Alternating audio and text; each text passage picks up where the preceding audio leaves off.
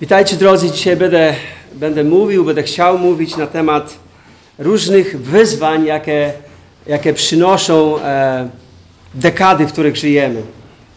We, e, we, wezwania wieku młodzieńczego, 20 lat plus minus, wezwania wieku młodzieńczego, wezwania wieku średniego, bo one są inne. I wezwania jakie, z jakimi się zmagają ludzie starsi, 60 plus. 60 plus.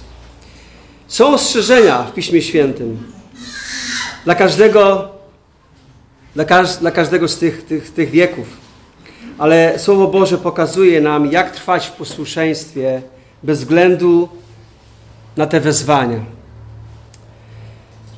Bob, Bob Bill, jeden z takich coachów chrześcijańskich, on e, spotyka się z, z, biznes, z biznesmenami, e, ma różnego rodzaju takie spotkania i również z młodzieżą, z młodymi ludźmi.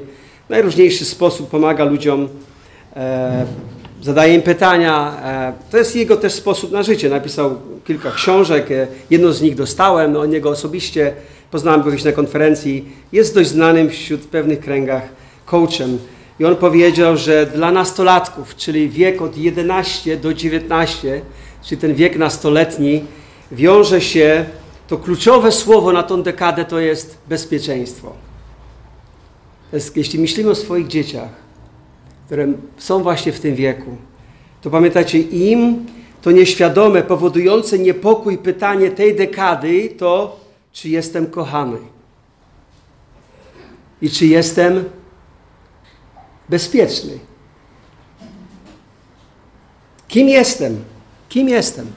Tak więc, e, czy jestem, czy jestem kochany i czy jestem bezpieczny? Dlatego, jako rodzice, starajmy się upewnić ich o naszej miłości. Miłujmy ich i dyscyplinujmy, bo też, bo też to daje pewne granice, których oni, których oni mogą się czuć bezpieczni. I też kochajmy się nawzajem, bo dzieci, nastolatkowie patrzą się na to, jak my, jako rodzice się nawzajem kochamy, oni też czerpią to bezpieczeństwo z relacji, jaką widzą, że my mamy jako rodzice. Dlatego ja często powtarzam to, co samo słyszałem. Najlepszą rzecz, jaką możesz zrobić, ojcze dla swoich dzieci, to, e, to miłuj, miłuj ich mamę. Najlepszą rzecz, jaką możesz zrobić jako, jako, jako matka dla swojego nastoletniego chłopca i nie tylko oczywiście, to respektuj ich tatę. Respektuj ich tatę. ale nie będę się skupiał aż tak bardzo e, o, o tej, tej młodszej młodzieży, nastolatków. Raczej chciałbym przejść do tego wieku właśnie 20 e, plus. To jest ten wiek, w którym są moje własne dzieci. Moja córka ma 25, a Daniel ma 21. E, I wiecie, jakie pojedyncze słowo, jako, jakie pojedyncze słowo odnosi się do tej dekady, do tej grupy ludzi? Według Boba Billa to jest słowo przetrwanie. Przetrwanie. Nieświadome, powodujące niepokój pytanie tej dekady to, czy jestem w stanie przetrwać w dorosłym świecie. Czy jestem w stanie, czy dam sobie radę w tym dorosłym świecie. Nie jestem już dzieckiem, nie jestem jeszcze dorosły, jestem tak jakby pomiędzy, ale czy dam sobie radę w tym dorosłym świecie. Czyli słowo kluczowe tej dekady to jest przetrwanie. I jeśli znacie jakąkolwiek osobę, młodą osobę w tym wieku, to jedno z najlepszych słów, rad, jaki możecie dać, bo Bill sugeruje to, powiedz im, zrelaksuj się. Wyluzuj się.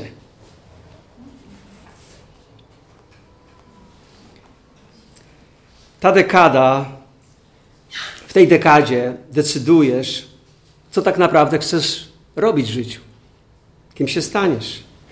Młodzi ludzie w tej dekadzie, pamiętam to sam bardzo wyraźnie, to, to ogromne ciśnienie, że jakby świat się miał niedługo zakończyć, coś się kończy, jest nowy świat i on jest skomplikowany. E, I ten świat pędzi bardzo szybko i może nawet przestać istnieć, a ja muszę szybko podjąć decyzję, co ja będę w życiu robił. Pamiętacie ten stres, tą presję? To była niepotrzebna presja, jakiej się poddałem i młodzi ludzie się poddają. Tak więc jeśli jesteś rodzicem albo masz znajomych, e, którzy są w tym wieku, po prostu powiedz im, aby, aby, się, aby się wyluzowali, aby się zrelaksowali, jeżeli chodzi o to, co będą robić w życiu zawodowym. Naj, największym błędem, jaki możesz popełnić, to podjąć złą decyzję w wieku, gdy masz 20 lat. I pozostaniesz z konsekwencjami tej decyzji na resztę życia. Dlatego nie powinniśmy, wiecie, za bardzo pobłażać też i też usprawiedliwiać błędy młodości. Nie możemy mówić, o, on jest jeszcze młody, jeszcze się nauczy.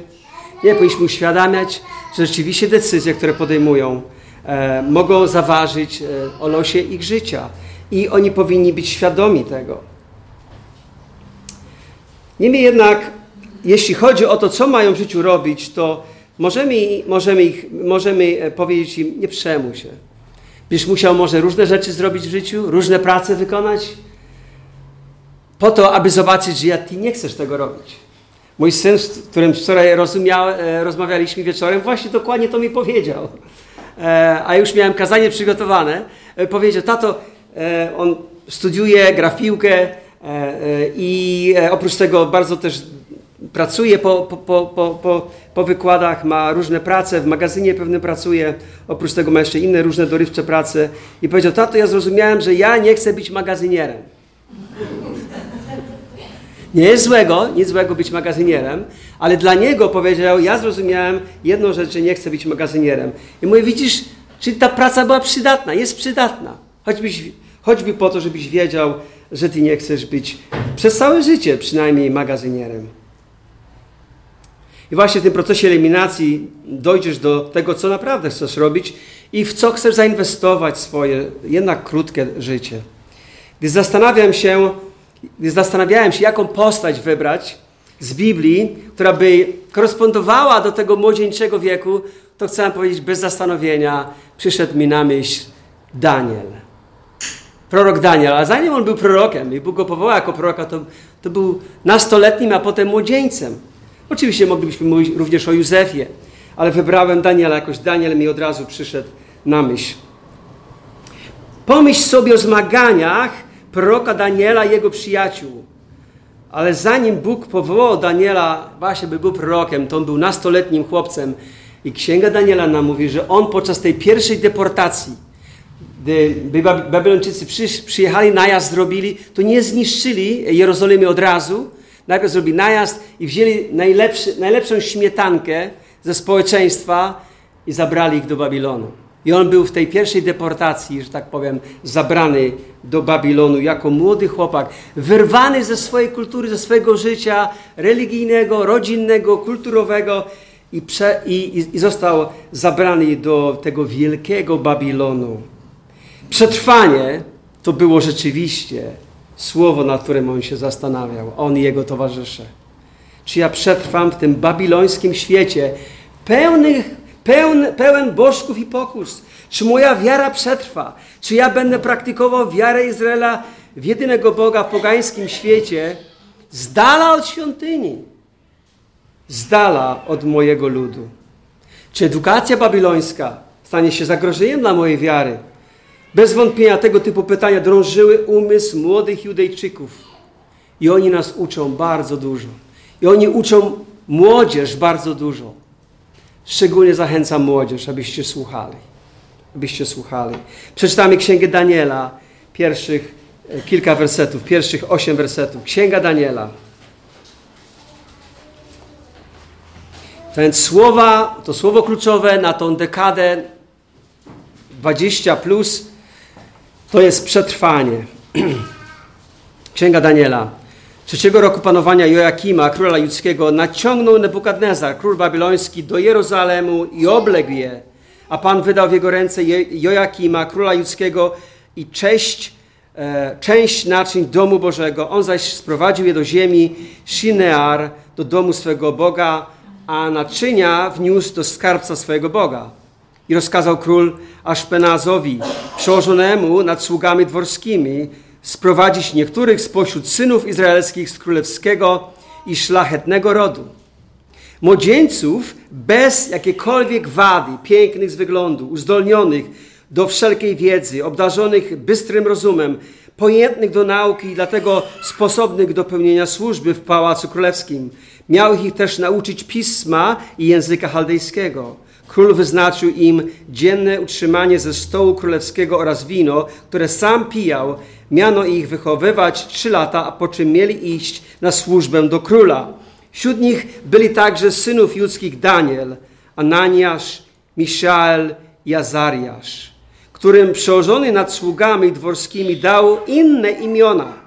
Daniela nazwał Baltazarem, Ananiasza Szadrachem, Miszaela Meszachem, Azariasza Abednego. Tu widzicie w tym wersecie siódmym jest próba, aby, aby zmienić ich tożsamość, aby oni zaczęli myśleć jako, jak Babilończycy powinni myśleć, nie jako ci, którzy są z Izraela. To, był, to była wielka próba przetrwania dla tych młodzieńców. Oni mogli mieć właśnie od 16 do 20 lat. I tutaj czytamy w tym wers wersecie ósmym, że lecz Daniel postanowił nie kalać się potrawami ze stołu królewskiego, ani winem, które król pijał. Prosi więc przełożonego nad sługami dworskimi, by mógł się ustrzec z plamienia. I to jest bardzo ważna lekcja dla, dla młodzieży. Postanów nie kalać się.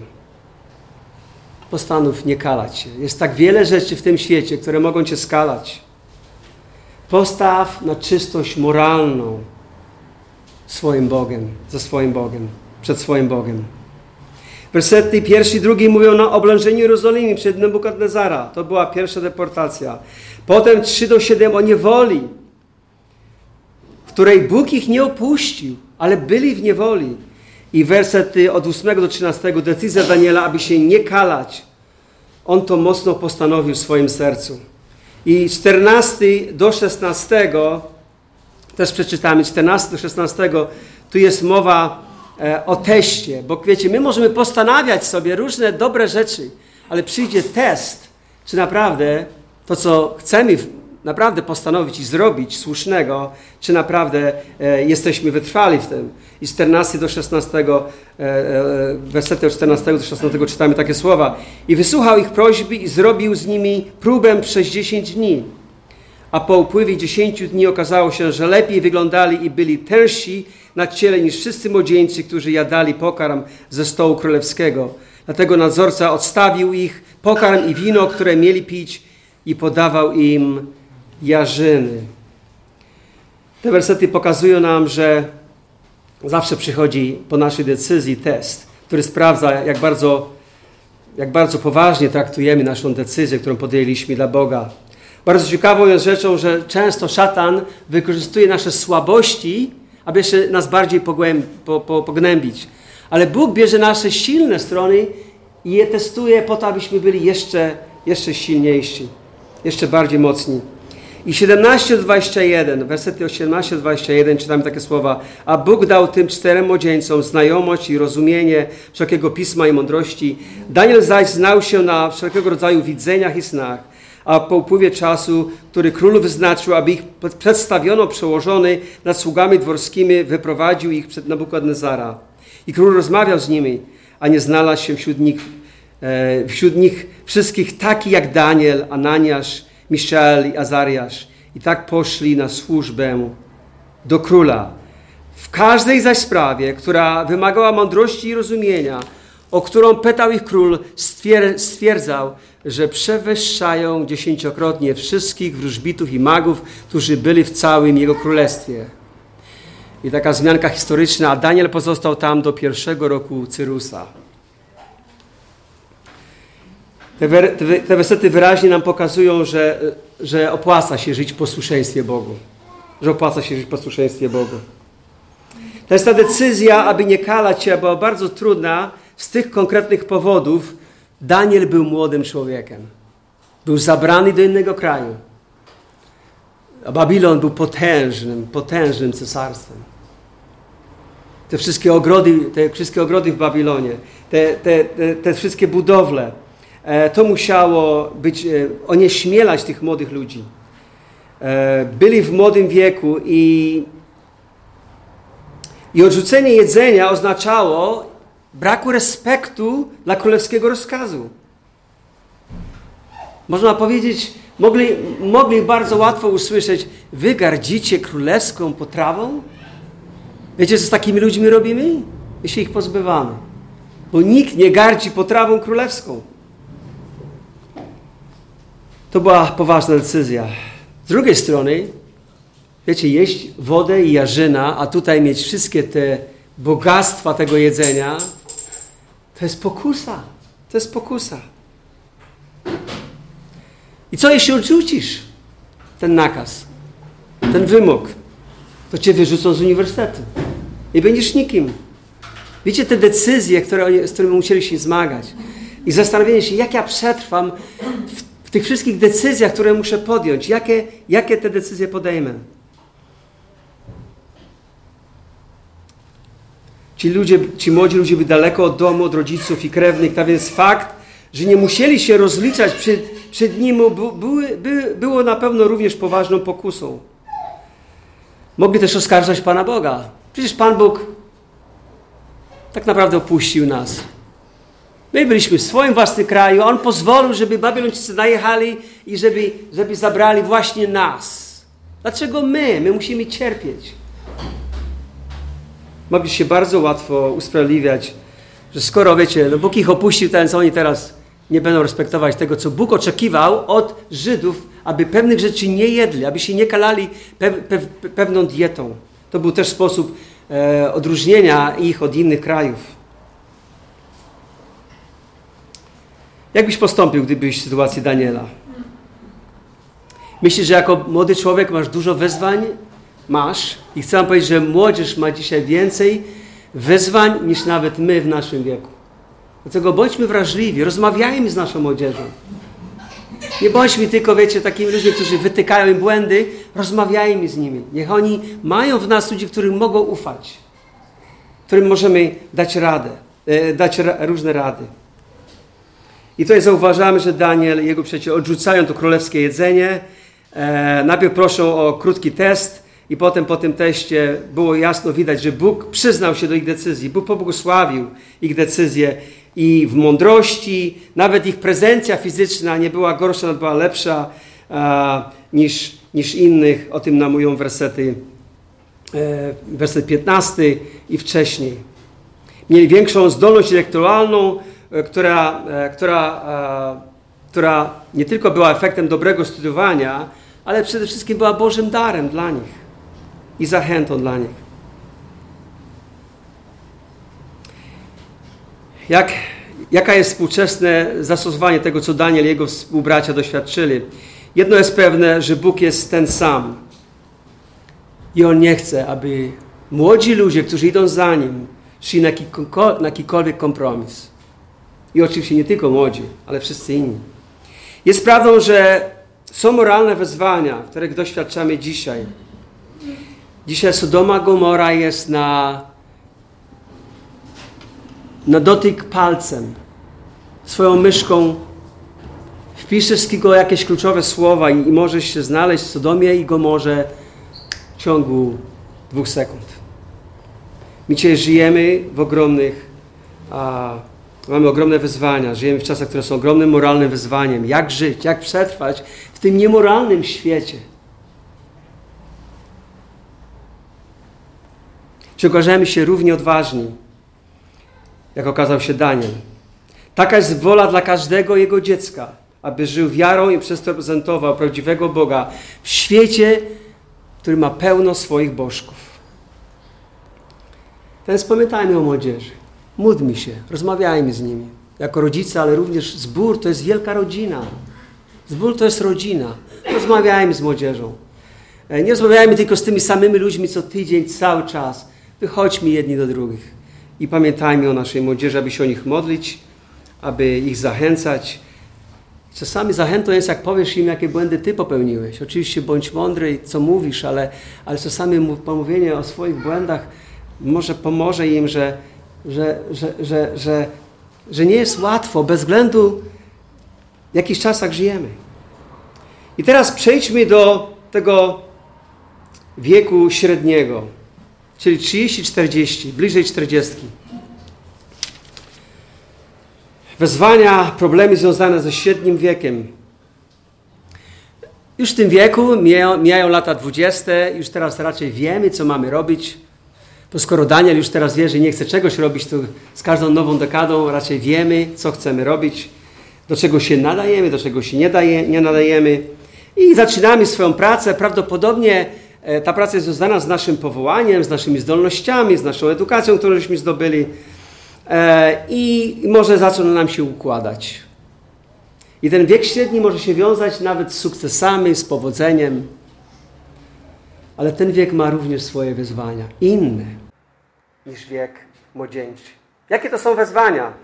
Otwórzmy księgę Samuela. Teraz przejdziemy od Daniela do Dawida. Pierwsza księga Samuela.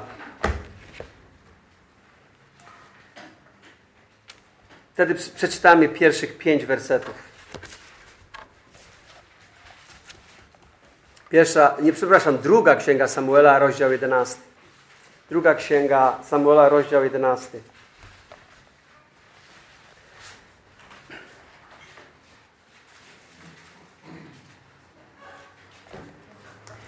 Następnego roku, w czasie, kiedy królowie zwykli wyruszać na wojnę, wysłał Dawid Joaba wraz ze swoimi wojownikami i z całym Izraelem. I ci splądrowali ziemię Amonitów i oblegli Rabę. Dawid wszakże pozostał w Jerozolimie. I przytrafiło się, że pod wieczór Dawid wstawał, wstał ze swego łoża i przechadzał się po tarasie swego królewskiego domu i ujrzał z tego tarasu kąpiącą się kobietę, a była to kobieta wielkiej urody. Dawid posłał, aby się czegoś dowiedzieć o tej kobiecie. Powiedziano mu, jest to Batrzeba, córka Eliama, żona Uriasza Hetejczyka. Dawid posłał gońców i kazał ją sprowadzić, a gdy ona przyszła do niego, obcował z nią. A właśnie była ona po swoim oczyszczeniu. Potem powróciła do swojego domu. Kobieta, kobieta ta poczęła. Posłała więc wiadomość do Dawida tej treści. Poczęłam. Zaszła w ciążę w nielegalny sposób. Z królem Dawidem.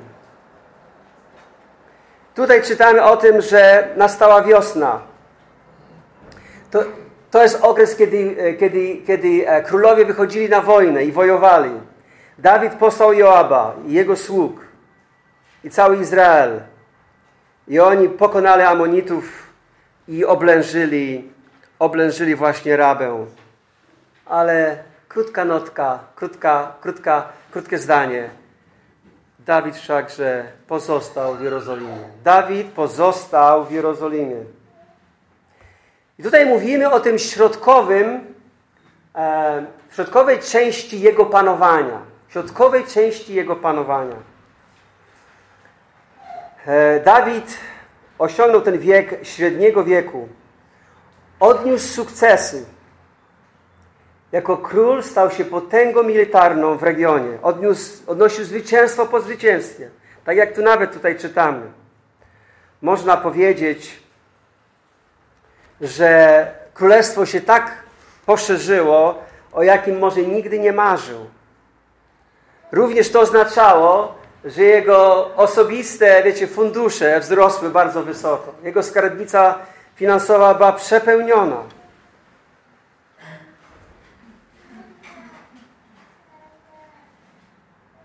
Ale Dawid pozostał w domu, zamiast dalej wojować tak się mówi kolokwialnie, odpuścił sobie na chwilę. I, i, i, I, wielkie problemy spadły na Dawida. Cudzołóstwo z kobietą, która nie była jego żoną. Nawet gdybyśmy dalej nie czytali, bo dalej, dalsza historia jeszcze bardziej nabiera, że tak powiem, e, staje się jeszcze smutniejsza. Niemniej jednak Niemniej jednak a, lekcje są dla nas w tej historii Dawida. Brat Dawid Gooding powiedział, że my dobrze robimy, jak mamy spotkania dla młodzieży i ostrzegamy ich o niebezpieczeństwach związanych z ich, z ich wiekiem. My powinniśmy zachęcać młodych ludzi, powiedział. Oczywiście. Nie możesz, mówi, za dużo zrobić dla młodzieży. I musisz się zniżyć do ich poziomu, aby oni, aby oni mogli Cię zrozumieć. Bo przecież warto inwestować w młodzież, bo oni są tą przyszłością zboru, prawda? I społeczeństwa. Ale Dawid Gooding ostrzega, mówi,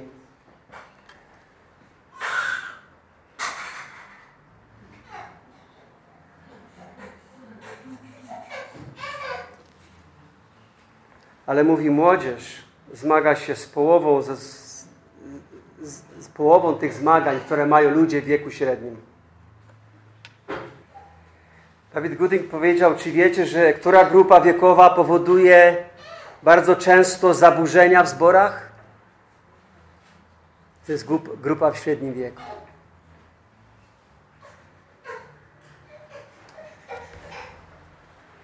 To nie są ludzie, którzy mają ponad 70 lat. To nawet nie, to nie jest młodzież, ale to wieku, ale to ten wiek średni właśnie powoduje kłótnie przez tych ludzi. E, David Gooding opisuje, że e, zbory się roz, e, dzielą przez wpływ ludzi w średnim wieku. Smutna prawda. Co zrobić? Co zrobić? Jak sam powiedzieć, że o tym się zastanawiałem, to rzeczywiście to, co zauważyłem, że to jest prawda. W dwóch przypadkach zauważyłem, w dwóch sporach zauważyłem, że rzeczywiście to jest prawda. Z jednej strony ludzie, którzy odnieśli sukces, e, problemem jest, że tak bardzo zachwyceni sukcesem, że tracą kontakt ze zborem i zaangażowaniem w zborze. To jest jedna grupa. Mają swoje wymagania, można powiedzieć. A z drugiej strony, jeśli nie odnieśli sukcesu w świecie, to myślą, że wzbór jest tym miejscem, gdzie ja mogę się, wiecie, wywyższyć i być kimś ważnym. I przez to też powodują problemy. Jeśli jesteś w tym wieku, pamiętaj o tych pokusach. Pamiętaj o tych wyzwaniach. Można je uniknąć. Można ich uniknąć.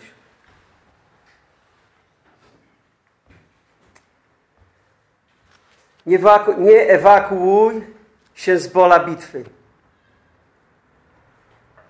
Tak Dawid to zrobił. Nie poszedł na bitwę, a powinien. Był w sile wieku. I nagle czytamy, że on się obudził wieczorem. Ja się zastanawiałem, dlaczego on i przytrafiło się, że pod wieczór Dawid stał ze swego łoża. Widocznie zrzemnął się. Nie jest nic złego mieć siestę szczególnie w tamtej kulturze. Ale zastanawiam się, czy jak nie jesteś na bitwie, to masz dużo czasu, a za dużo czasu, jak masz, to zaczynasz mieć takie pokusy, których wcześniej nie miałeś. I Dawid otworzył się na pokusę, której nie mógł odrzucić. I to stało się wielkim problemem w jego życiu. Wielkim problemem. I przyniosło opłakane konsekwencje w jego życiu. Nie ewakuuj się z pola bitwy, nie szukaj próżnej chwały też. Służ Panu, ile tylko pozwala Ci czas. Służ Panu. Wiecie, czas mija, również w tym kazaniu. Czas szybko mija, więc muszę szybko przechodzić i muszę przejść, tak jak lata mijają. Ja niedawno pamiętam, miałem 40 lat i myślałem, że to jest dużo, ale teraz już przychodzi inna dekada i niedługo będzie kolejna, za niedługo. Tak więc czas naprawdę szybko, nieubłaganie mija, nie tylko w tym kazaniu. Pomówmy teraz o osobach, które mają 60 plus. Znów powołam się na króla Dawida. Myślimy, że ktoś, kto chodził z Panem przez 20 czy 40 lat, e, nie będzie popełniał żadnych błędów, przynajmniej poważnych błędów.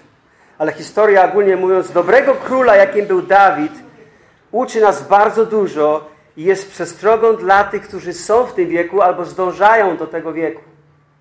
To również się tyczy mnie. Jest wielką przestrogą historia Dawida. On już jest w starszym wieku. I otwórzmy e, drugą księgę Samuela, rozdział 24. Czyli jesteśmy w księdze Samuela, rozdział 24. I wspomnijmy e, kilka e, rozdziałów też wcześniej. Odniesiemy się do kilka rozdziałów wcześniej. Ta historia z drugiej księgi Samuela, rozdział 24, czytamy, że Dawid jest już w starym wieku.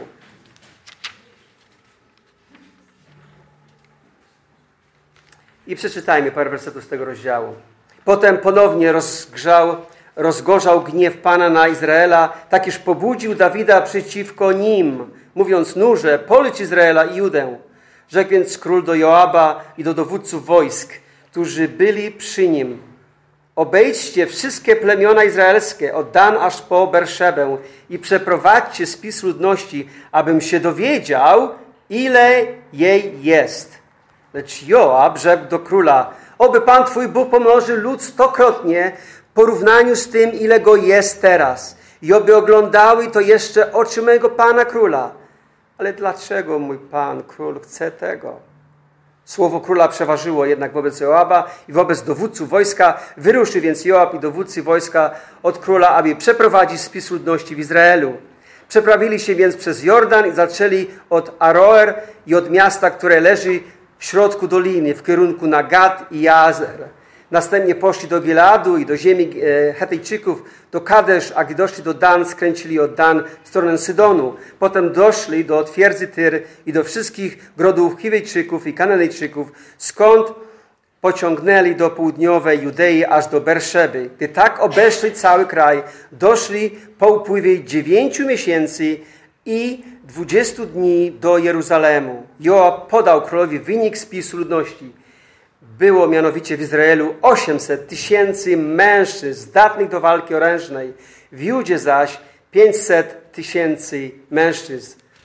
Lecz potem Dawid, lecz potem Dawida ruszyło sumienie, że kazał przeprowadzić spis ludności. Rzekł więc Dawid do Pana, zgrzeszyłem bardzo, że to uczyniłem, lecz teraz, Panie, odpuść winę sługi Twego, gdyż postąpiłem bardzo nierozsądnie. To pytanie Joaba, gdy się zastanawiałem, było tak bardzo kluczowe. Uderzyło w sedno problemu e, Dawida. Zadaję mu, ale dlaczego mój Pan chce to, chce, co to zrobić? Chce tego, chce tego spisu. Dla jakiego celu? Co, co kieruje Twoją motywacją, królu? Ale Dawid nie odpowiedział Joabowi, bo musiałby wyznać ukryty motyw swojego serca. I to jest pytanie, jakie w każdym wieku powinniśmy sobie zadawać. Co jest tak naprawdę w moim sercu? Czego tak naprawdę chcę? I werset dziesiąty pokazuje, że Dawida poruszyło sumienie. Wiecie, jeśli bibliści się zastanawiają nad jedną cnotą, którą miał Dawid, to jego cnotą było taka zdolność i chęć do szybkiego upamiętania się. I to było rzeczywiście jego cnotą. On zrozumiał, że źle zrobił, że naprawdę zgrzeszył e, przed Panem. Dopuścił się wielkiego grzechu. Postąpiłem bardzo nierozsądnie, w wersecie 10 mówi. Postąpiłem głupio. W tych ostatnich rozdziałach tej księgi widzimy, że Dawid powoli chyli się ku końcowi. Ma te 60 i więcej lat. Dwa rozdziały wcześniej widzimy, jak Dawid gra na harfie. Otwórzcie 22 rozdział. W 22 rozdziale śpiewa na harfie i śpiewa pieśni, psalmy.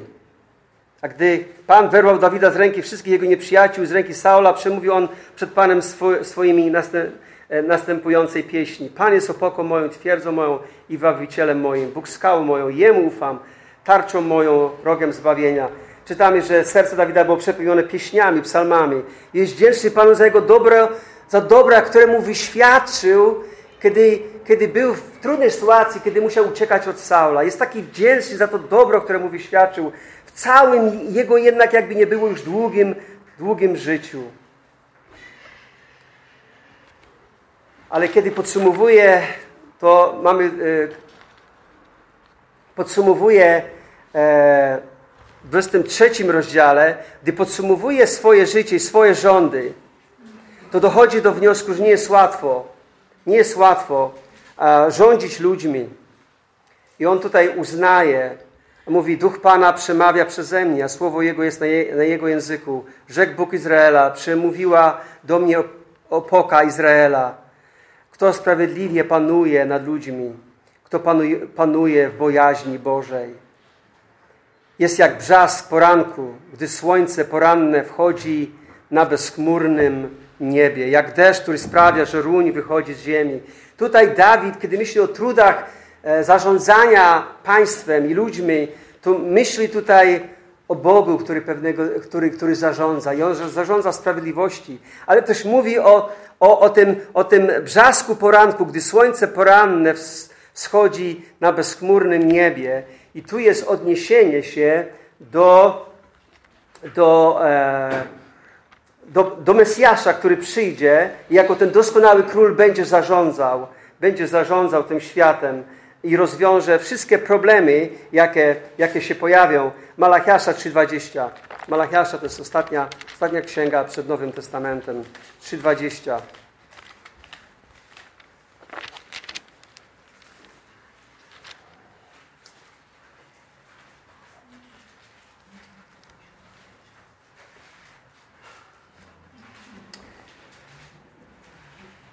Może dla kontekstu od wersetu 18. Wtedy znowu dostrzeżecie różnicę między sprawiedliwym a bezbożnym, między tym, kto Bogu służy, a tym, kto Mu nie służy. Bo to nadchodzi dzień, który pali jak piec. Wtedy wszyscy zuchwali i wszyscy, którzy czynili zło, staną się cierniem i spali ich ten nadchodzący dzień. Mówi Pan zastępów. Tak, że im nie pozostawi ani korzenia, ani gałęzi. Ale dla was, którzy boicie się mojego imienia, wzejdzie słońce sprawiedliwości z uzdrowieniem na, swoj, na swoich skrzydłach i będziecie wychodzić z podskakiwaniem, jak cielęta wychodzą z obory. Tutaj jest mowa, że nadejdzie dzień, wzejdzie jak słońce sprawiedliwość, kiedy przyjdzie Mesjasz i, i Dawid o nim przepowiada i on się cieszył, że on przyjdzie. Dawid jest w swoich, że tak powiem, latach już postarzały, a być może ma już siwe włosy. E, I, i e, w 21 rozdziale e, zawsze mnie to zaskakiwało e, od wersetu 15 drugiej księgi Samuela. Tam zwróćmy do drugiej księgi Samuela, 21 rozdział.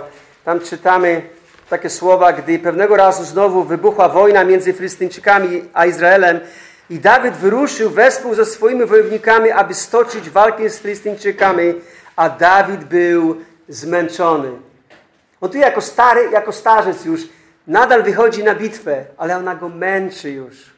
Dlatego, gdy zobaczyli to dowódcy, postanowił e, wtedy Iżbi z Not, potomek rodu olbrzymów, którego włócznia ważyła 300 cykli kruszcu, a który miał przepasany nowy miecz, zabić Dawida. Lecz Abiszaj, syn Serui, przyszedł mu z pomocą, ugodził Filistyńczyka i zabił go. Wtedy wojownicy Dawida zaprzysięgli go tymi słowy. Nie możesz już wyruszać z nami na wojnę, abyś nie zgasił pochodni Izraela. On nauczył się tej lekcji, trzeba wychodzić na bitwę, ale to był ten czas, już inny etap w jego życiu. On nie miał tych samych sił, nie musiał staczać tych samych bitew. Ale co widzimy, to pozytywne właśnie, że on, że on chce tam być, do końca walczyć. Nie odpuszczał sobie. Ale Dawid jest posunięty w latach. W końcu przywódcy przekonali, aby pozostał w domu. I to po prostu tu widać, jaką miłość oni mają do Dawida. Jaki szacunek mają. Nie chcą, aby zginął abyś nie zgasił pochodni Izraela. Mają wielki respekt do Dawida i, i, i słusznie. To był ich wódz, to był ich król. Nie musi znosić tych samych ciężarów, które nosił, kiedy był w wieku średnim. Ale byśmy powiedzieli, to teraz już jest bezpieczny, prawda? To już wiek starcy, starczy, taki starszy, to już jesteś, to już jest przystań. To już możesz tylko żeglować, po prostu wystawić żagle i żeglować, prawda? Czy tak jest? Jest tak?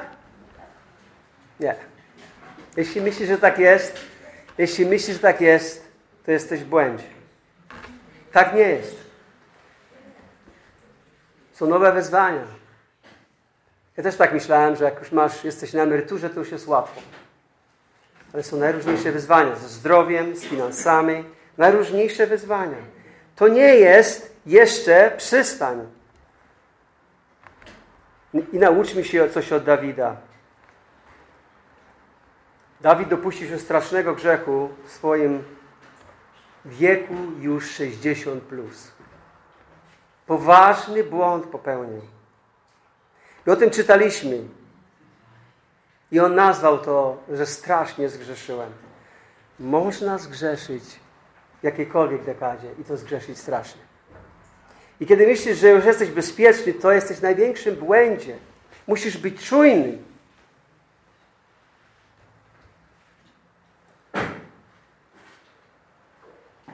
Powinniśmy mieć specjalne spotkania dla młodzieży, ale powinniśmy mieć te spotkania dla starszych. I niech to kazanie będzie taką zachętą. Jest wielkim niebezpieczeństwem, błędem myśleć, że wszystkie Twoje duchowe bitwy są już skończone.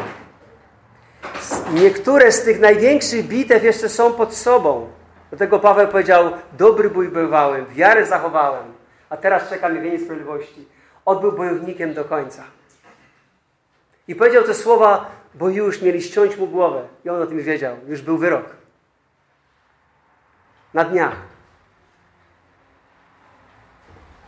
My toczymy bój do końca.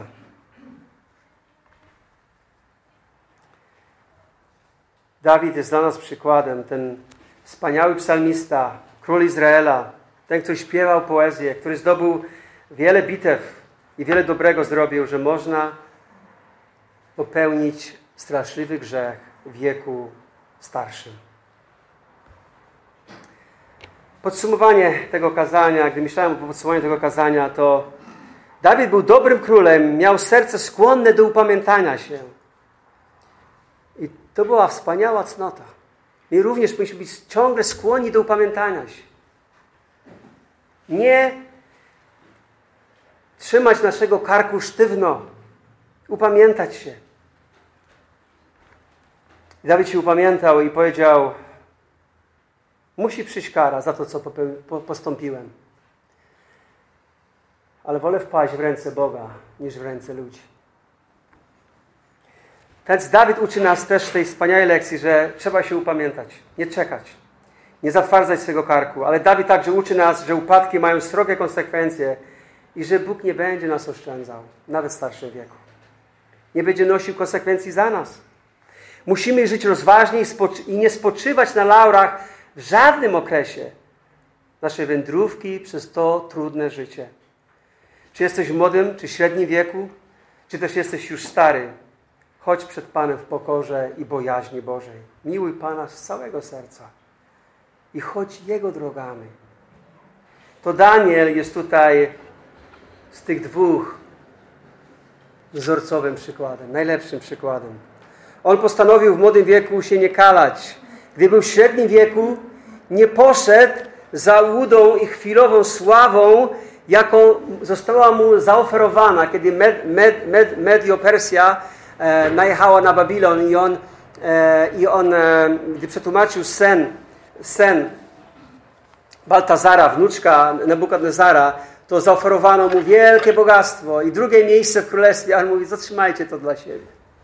On wiedział, że jedno imperium przyjmuje drugie i w tym świecie tak zawsze będzie. Nie poszedł za materialnymi korzyściami, jakie mu zaoferowano. Powiedział, że to wszystko jest przemijające. On wiedział, że to, co nie przemija, to jest królestwo Mesjasza. Ono będzie trwać na wieki. Dlatego Daniel, kiedy był w starym już wieku, nie przestał do końca chodzić z Bogiem w pokorze i bojaźni przed Nim. Jako młody człowiek stanowczo postanów nie kalać się w tym świecie. Postanów żyć czystym życiem przed Bogiem. A będąc w średnim wieku, nie możesz, możesz, możesz czuć, że już odniosłeś sukces, że już teraz to, wiecie, tylko życia nie umierać. Uważaj, aby się nie, nie ewakuować z bitwy. To życie, to życie nigdy nie miało być lekkie. To jest bój do końca naszych dni. Chodź z Bogiem. Polegaj na Jego mądrości i bądź czujny. Amen.